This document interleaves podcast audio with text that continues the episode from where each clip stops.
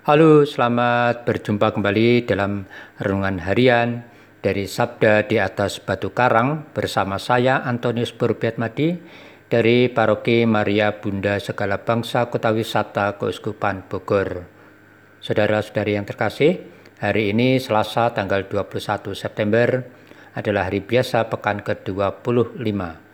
Gereja pada hari ini memperingati Santo Matius Rasul dan pengarang Injil.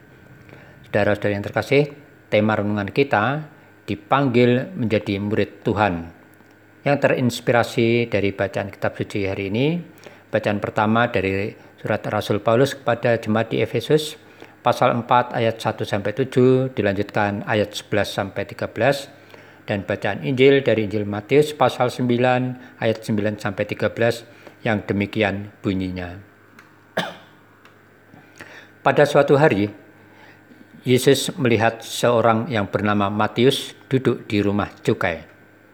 Yesus berkata kepadanya, "Ikutlah aku." Maka berdirilah Matius lalu mengikuti dia.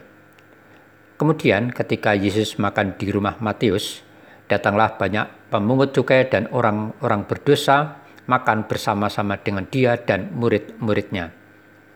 Melihat itu, Berkatalah orang-orang Farisi kepada murid-murid Yesus, Mengapa gurumu makan bersama dengan pemungut cukai dan orang berdosa?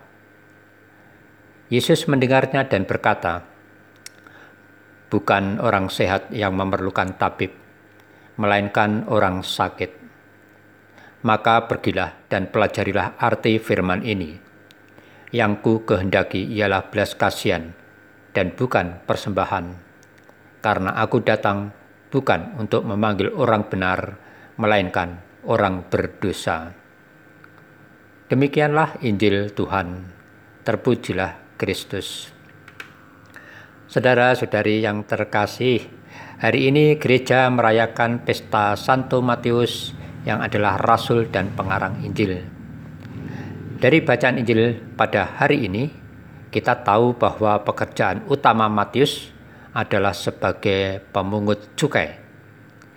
Di kalangan masyarakat Yahudi, pemungut cukai ini termasuk golongan kaum tanda petik berdosa. Namun, justru dari kalangan yang demikianlah Yesus memanggil Matius untuk menjadi murid dan pewarta Injil. Saudara-saudari yang terkasih, memang para murid Yesus itu berasal dari berbagai kalangan masyarakat dan pekerjaannya karakter atau wataknya pun berbeda-beda. Mari kita syukuri bahwa Tuhan juga memanggil kita untuk menjadi murid dan pengikutnya. Seperti Matius, Yesus melihat kita sebagai umat yang berharga di mata Tuhan. Tuhan pasti tahu ada hal-hal yang baik dan potensial di dalam diri kita yang diharapkan untuk mewartakan menjalankan tugas pewartaan kasihnya.